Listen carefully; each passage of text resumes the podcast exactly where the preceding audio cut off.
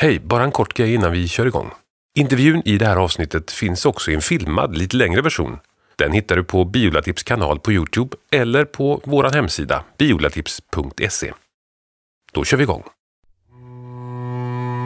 Det här är Biolatips och jag heter Joakim Jalin. Biodling är ju en väldigt lokal syssla egentligen. Bina man har flyger ju inte gärna längre än någon kilometer. Och sköter man flera bigårdar så behöver de oftast befinna sig på rimligt avstånd för att man ska kunna åka runt till dem. Men även sättet man tar hand om bina är ganska lokalt. De flesta har gått en nybörjarkurs någon gång. Men det där dagliga arbetet har man många gånger lärt sig av någon annan biodlare från ungefär samma plats. Och den biodlaren har i sin tur förmodligen också lärt sig av någon från trakten. Lokala erfarenheter från hur den närmsta miljön fungerar, vilka dragväxter som finns i närheten eller hur lång vintern är, är såklart de mest användbara. Det är väl därför man ganska sällan hör om hur biodlare i andra länder gör.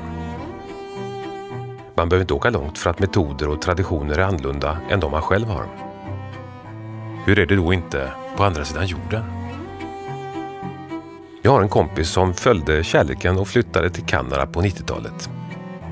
På senare år har han också blivit biodlare. Han bor med sin familj i British Columbia i västra delen av Kanada. Där, i vildmarken. Hur är biodlarlivet där?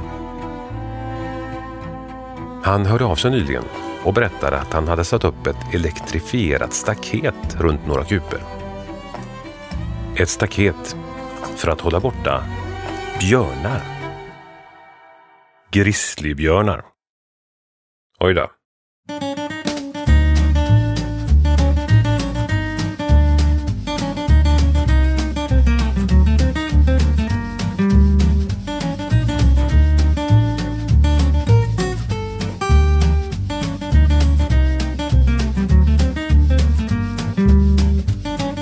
Hur bor ni egentligen? Hur har ni era bin i Kanada? Var bor ni någonstans?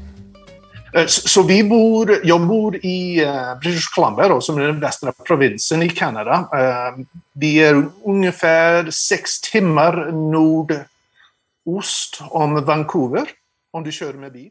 Det här är Mikael Källström. Han har nu bott längre tid i Kanada än i Sverige, där han föddes. Det gör att ett och annat ord kan vara svårt att hitta. Speciellt ord kring biodling, eftersom han börjar med det efter att han flyttat dit. Jag är ju inte heller någon expert på engelsk bitterminologi precis. Men vi tar oss fram. Vi bor på en altitud på 723 meter. Men är det, bor ni i vildmarken sådär? Eller är det, det är vildmarken då. Det är vildmarken då. Ja, det är det ja. Eh, så, ja, det, det, det, det finns ett par husar omkring här vet du, men det, det, vi har björnar och rådjur och i natt hade vi en, vad heter det på svenska, skunk. Ja, en, en, ja skunk ja. ja, just det. Skunk, ja, ja vi hade en skunk som gick omkring. För jag hörde någonting välta på utsidan och det var skidor som åkte ner. Aha. Så kollade jag på kameran då och så såg jag en skunk som gick förbi där. Mikael har satt upp några kameror här och där runt huset som automatiskt tar en bild ifall något djur närmar sig.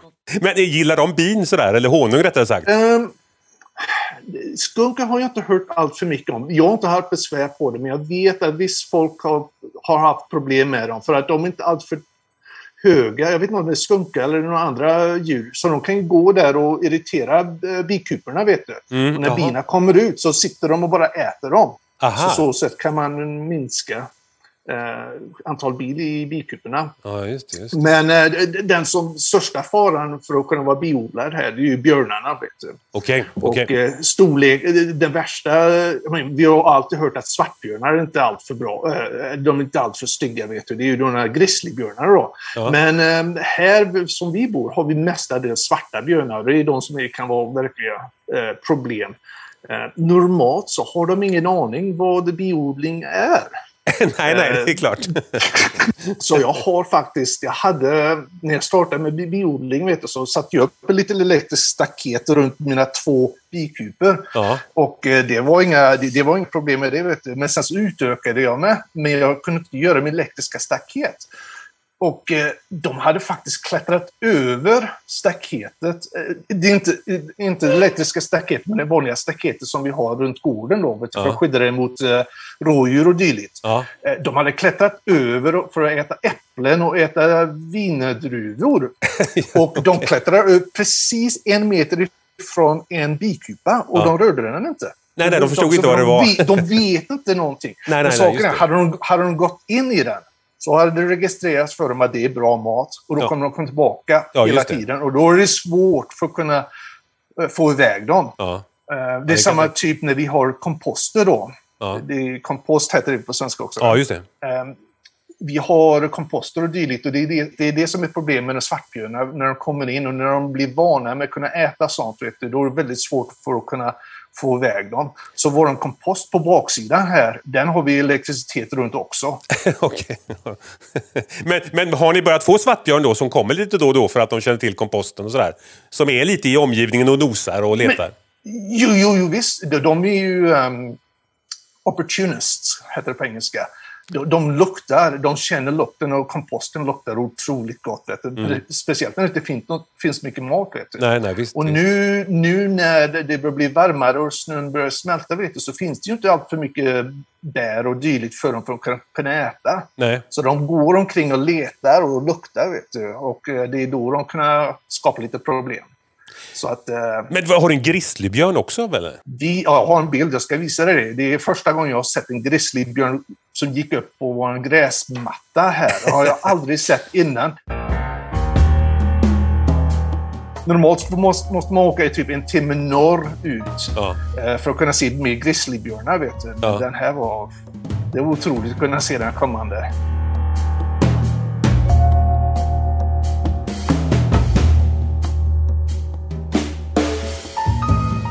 Men hur är de? Är de, är de egentligen brunbjörn? Är det svartbjörn? Vad heter det? Svartbjörn? Det, det är svartbjörn då. Ja. Svartbjörn är normalt och de kan vara bruna och de kan vara vita. Det är inte isbjörn, men eh, och eh, så rödbrun, men svart är normalt. Vet du.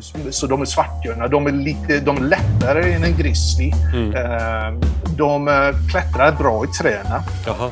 och eh, vi har väldigt många om dem omkring här. Men kan de vara farliga för människor sådär eller? Normalt så är de väldigt rädda. Mm. Normalt är de väldigt rädda. Det enda problemet du kan ha i sådana fall är om de blir om de tycker om sopor och din kompost. Mm. och de blir van... van ja, det blir för vanligt för dem, vet du, så då blir de inte rädda för det. Nej, just det. Just det. det. Då kan de vara med problem och då får man nästan förstöra dem i sådana fall. För de har försökt med att skicka iväg dem långt bort, men de hittar vägen tillbaka. Men är det, hur är det, vad är det för jakt på, på... Är det jakt på björn eller är de fridlysta? Ja, det är det. Det är det. det. Nej, nej, eh, grizzlybjörnen är det inte någon större jakt nu. Det, den var typ en biljett som du kunde, en lotteri. Eh, Mhm. Men de har slutat där nu. Men eh, svartbjörn är det ju vanlig höst, eh, vårjakt och höstjakt. Så du kan jaga den. Du får köpa en speciell biljett för den. Mm. Men den normalt öppen. För vi har otroligt mycket svartbjörnar här omkring. Ja, ja. Och, ehm, och normalt så har vi omkring här så har vi eh, eh, eh, det mammor och dylikt, vet du, svartbjörnar. Och de har normalt två, tre eller fyra barn, vet du. ja. Björnungar, vet du, som springer omkring. Så det, är då man får passa på sig och se till att man inte kommer emellan barn och mamma, för då kan det vara lite mer problem. Du sa att ni hade staket och grejer som de klättrade över. Va- Vad behöver man staket för rådjur och hjort och sådär? Eller va- varför har man det? Ja, det, det gör man. Det, det enda du behöver det är högt staket. Ja. Så det är, det är vanligt staket, eh, eh, meshen och sånt där då, staket som får vara högt för annars hoppar de över vet du. Och de, de, vi har väldigt mycket rådjur omkring här. Men vad, rådjuren gör ju ingenting på bikuporna menar jag, eller för binas skull. Det, där Det gör de inte, men eh, det saken är bara om de vill eh, om de vill klia sig eller något sånt där. Det är det som är problemet. Jag har ju haft också, typ ibland så har vi Ibland har vi kor omkring här, Ja. för de kommer in och stängsel lite längre upp. Vet du. Och eh, när korna kommer ner, vet du, då, då kan de skapa problem om du har bikuporna ute också. För de trycker om och kliar sig ordentligt på saker och ting. Vadå, de knör mot eh, kuporna som kan välta då liksom? Eller vad händer då? Pre- Jo, precis. Det gjorde de förra året. Vältade två stycken för mig på ett annat ställe. Oj, Och med har kor en- alltså? Vi har, ja, korna. Och eh, vi hade en stor, vi har en stor eh, husvagn här, en gammal husvagn, och de satte en stor eh, dent i den. Ja, med en buckla ja. Buckla ja, Mm. precis. Så att, nej, de... eh, Dyrt med De är kor då, vet du. Det är dyra kor. Det, det, det, det är dy- dyra kor. Men, men saken är det ju, det är björnarna då. Det är, det, är de som är, som är hårdast tycker jag. För det, det enda för att kunna få försvara sig det är för att hålla elektrisk fens. Ja. Eller staket Ja, så att det. säga. Ja, Just det. Så då måste man ju sätta upp eh, med vajrar och dylikt. Och, eh, s- och normalt så kanske man inte har eh, elektricitet där du har dina bikuper så då måste du ha so, eh, solenergi och dylikt för att kunna Ja, driva allt det. Ja, just det. Det är sant. Ofta kan placerar man ju bikuper där det inte finns ström. Ja, precis. Så det är ju inte lätt Precis. att koppla in det. Men, men har du varit med om det att, att eh, björnen har förstört bikup på något sätt? Eller? Inte själva bikupan, men jag hade förra året då här så hade jag en del av mina supers eh, där, som normalt har honungen. Ja, just det. Skattlådor heter det på svenska. Just det. Mm. Vad heter de? Skattlådor. Skattlådor? Ja. Okej. Ja, det är skatten det. Eh, Precis.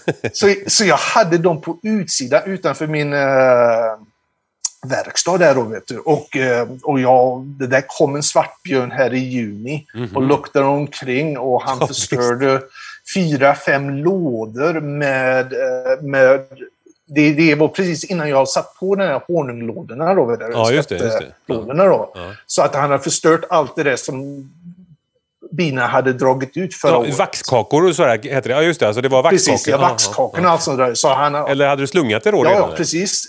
precis. Ja, jag slungade det året innan då, så jag hade den bara för, förvarade där. Vet du. Så nu, jag har fortfarande ett par lådor på utsidan, men jag har ju fått sätta pallar upp på sidan och, och göra som litet fort så de inte kan komma in. Jag kan ta allt. Mhm. Jag tror björnen, jag tror björnen dock, de är ute, honung är bonus vet du, men jag tror de faktiskt tycker om eh, proteinet ifrån, eh, Aha. från, från bina. Aha. Det är det de vill ha. De vill ha mycket protein. Intressant. Men vad finns det för andra faror för bisamhället i vildmarken?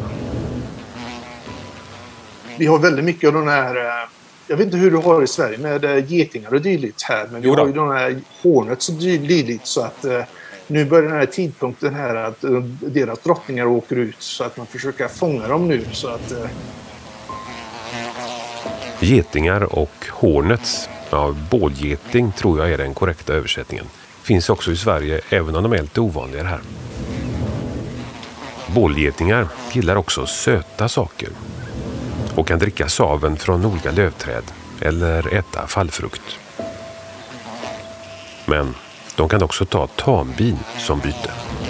Och det vill man ju gärna slippa som biodlare. Men de sitter omkring bikuporna en hel del annars om du inte får ordning på dem i början av våren. Ja, jag har sett faktiskt att det, det finns rätt mycket förslag på Youtube hur man kan liksom göra olika fällor för getingar. Där. och så. Ja, jag hade en fälla som var väldigt bra. Vet du, och det, det var bara en sockers, äh, sockersirap. Aha. Så jag la lite så här äpplesirap, äh, äpplevinäger i. Och så la jag bananskal i. Och den var suverän. Jag tog så många av de där hornets eh, och getingar. Och jag hade en kommersiell sak vid sidan av. Och det Ja. var ingenting i den i stort sett. Just det, okej. okej. Men vad satte du det precis bredvid? Hur gjorde du den anordningen? Du blandade allt det där, men vad var det för anordning? Ehm, vad jag hade... ehm, normalt så köper vi såna här, såna här påsar, kommersiella påsar, vet du, som har en sån här... eh, en liten eh, ingång. Ja, Men normalt så, så förstörs den efter en säsong. Så- Jaha. Men jag sparade den. Jag, jag sågade ut den och la in den på en sån här... eh, en vanlig... En, en sån här plastsak som är så du har ordentligt lock. Så du kan... det han verkar använda är en plastburk med lite större öppning. Ja, precis. Precis. Ja, just det. Vi använder ju såna här, såna här drickflaskor, du vet, med skruvkork i plast. på något sätt. Det, det kan du också göra, men jag har inte haft allt för... Jag, jag, jag fångar dem där, men de är inte lika bra som den andra. Nähä. För jag tror att lukten går inte lika bra ut. Nej. Men vad är intressant, så det börjar redan nu. Nu är det ju i, ja, i mars, i mitten av mars här ju. Så, ja, så som jag visade här tidigare, nu snöar det här ute, men, men bina har redan varit ute och, och jag har gett dem lite så här torr pollen. För det finns inte alltför mycket pollen här uppe. Men där nere i berget då, som typ, eh, det är ett litet samhälle, 4 000, eller 2000 personer här, som är ja, 15-20 minuter ner då, Mm. eh, vägen här. Och eh, där har jag ett par bi, bikuper. Fyra har jag där nere. Och där har de börjat samla pollen. Mhm. Så att eh, där börjar det bli ordning. Så att, eh, och jag var där nere häromdagen och slog ner staket och dylikt eh, i marken för att kunna sätta upp den elektriska. För jag är lite orolig nu att eh, björnarna vaknar upp. Ja, ja, visst, visst. Men går björnar i det på det sättet eh, på vintern? Det, det gör de. Ja, det gör de. Precis, det Ja. gör de. Men om det, blir, eh, om det blir varmt under själva vintern så kan de komma ut ibland. Ja. Och, och försöka finna en, eh, finna en liten sån här måltid och sen gå, gå tillbaka till Ide. Jag har en god Aha. vän och han hade ju, han har ju kameror ute i skogarna. Vet du. Och han hade Ja. fått eh, en av sina kameror nyligen uppäten av en björn. Så vi vet att de är ute nu Så, okej. på vissa ställen. Jaha, så de kan, de kan vara och störa ett bisamhälle och sen så går, och käkar de lite och så går de i det igen liksom? Ja, Aha. precis. Ja, det är ju lurigt då. Men när vaknar de upp Det- det- normalt sett efter vintern? Björnar, vet du det eller? Ja, normalt är det när snön, och det blir, när snön försvinner och det börjar bli lite varmare. Det är då de kommer ut. Ja. Men det är ungefär här slutet av mars.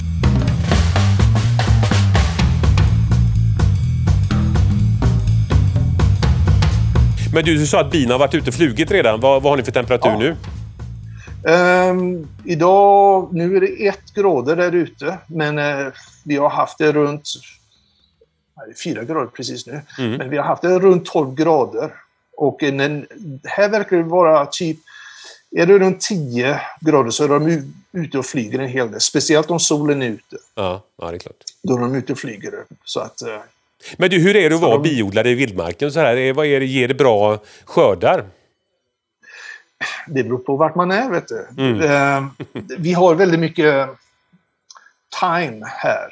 Så det, och vi har väldigt mycket fälter och dylikt här med vildrosor och dylikt. Och eh, där får de väl mer av den här propolisen. Och, eh, Mm.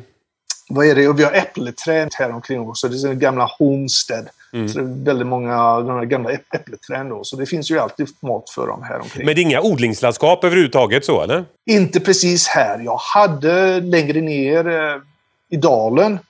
Eh, men jag vet, problemet, du kan få bra du kan få bra skördar där nere. Men sen så vet jag inte hur mycket av den där eh, vad heter det, gifter och dylikt som kommer tillbaka Nej, till bikupan. Vet. Precis. Nej. Medan här där jag bor, där, där är det inte allt för mycket odling. Så det är inte, finns inte mycket gifter där ute. Nej, nej, just det. Så man kan nästan säga att det är nästan ekologisk honung då automatiskt? Där, nästa. Där du Ja, bor. precis. Automatiskt nästa. Ja. Men hur många Så samhällen har du nu då? Ehm, så här uppe, jag har åtta här uppe vid mitt hus och sen så har jag fyra nere i Barrier då, samhället där. Mm. Så hade jag en, men det är den enda som har dött så eh, över vintern. Vid den bi, eh, norr om här då. Där det, troligtvis tror jag att det var, det var en del mites där och dylikt. Mm. Såg jag. Men ehm, det är det jag har. 8, 9, 10, 11, 12. 12. Ja, just det. Varroakvalstret där. Det har ni problem med det också som vanligt såklart? Det har vi väldigt mycket problem med. Och Mm. det är, när någonting dör, vet du, det är troligtvis det. Ja. Ehm, och eh, jag det här är mitt fjärde år här nu, göra det här. Vet du. Så att eh, Mm. första året hade jag 50 procent. jag hade två bikuper, en dog, vet du. Okej, ja, Eh, andra året, Det blir ju 50 procent det. ja, visst. och det andra, det andra året så blir det ju rätt så hårt för jag ändrade då och anv- använde formic, formic acid för, för att behandla den här miten och den verkar inte fungera allt för bra. Formic acid, det är alltså samma sak som myrsyra. Som är en av alla behandlingar mot varroakvalster. Jag förlorade allt i stort sett, Jaha. förutom en bikupa. Men i år, så av, av 13 bikupor så har jag förlorat bara en. Ja, ja. Det kan ju vara att man blir bättre biodlare också. Det, det tror jag. Ja, det måste ju vara Någonting borde man ha lärt sig. Precis. Biodlarlivet i vildmarken verkar bitvis vara förenat med livsfara. Frågan är hur det visar sig på honungspriset. Vad kostar en burk honung egentligen? Säljer ni honung förresten? Personligen så säljer jag inte honung med tanke på att jag försöker att kunna få mer bikuper. Då, vet du. Så jag delar dem hela tiden. Så det är svårt att kunna, kunna få, få tillräckligt med honung ja. personligen. Då, vet du. Ja. Men eh, nu den, under själva coronatiden, eh, pandemin då som vi hade, mm. så har honunget går upp en hel del här i Kanada, kommersiellt och dylikt. Med det var så pass stora förluster. Eh, Kanada behöver en hel del med eh, arbetare från, eh, från andra länder för att kunna komma in, vet du. För att kunna hjälpa eh, honungsproduktionen då. Och eh, förra året så kunde de inte komma in med tanke på pandemin. Vet du. Ja, just, så, att, det så det var otroligt många som inte kunde producera. Så att det gjorde ju att eh, honungpriset gick upp en hel del. Eh, men för eh, den personliga eh, honungodlaren här då, vet du, som säljer utifrån sin egen dörr och dylikt, inte allt för stora skillnader. Så, så, så, priset på honungen då, eh, hur mycket kostar den? Mm. Jag tror folk eh, här normalt eh, betalar runt 10 eller 12 kanadensiska dollar för ett kilo. Ja. Normalt om du köper den från, från en bonde här då, en bi, biodlare. Ja. 10 till 12 kanadensiska dollar per kilo honung.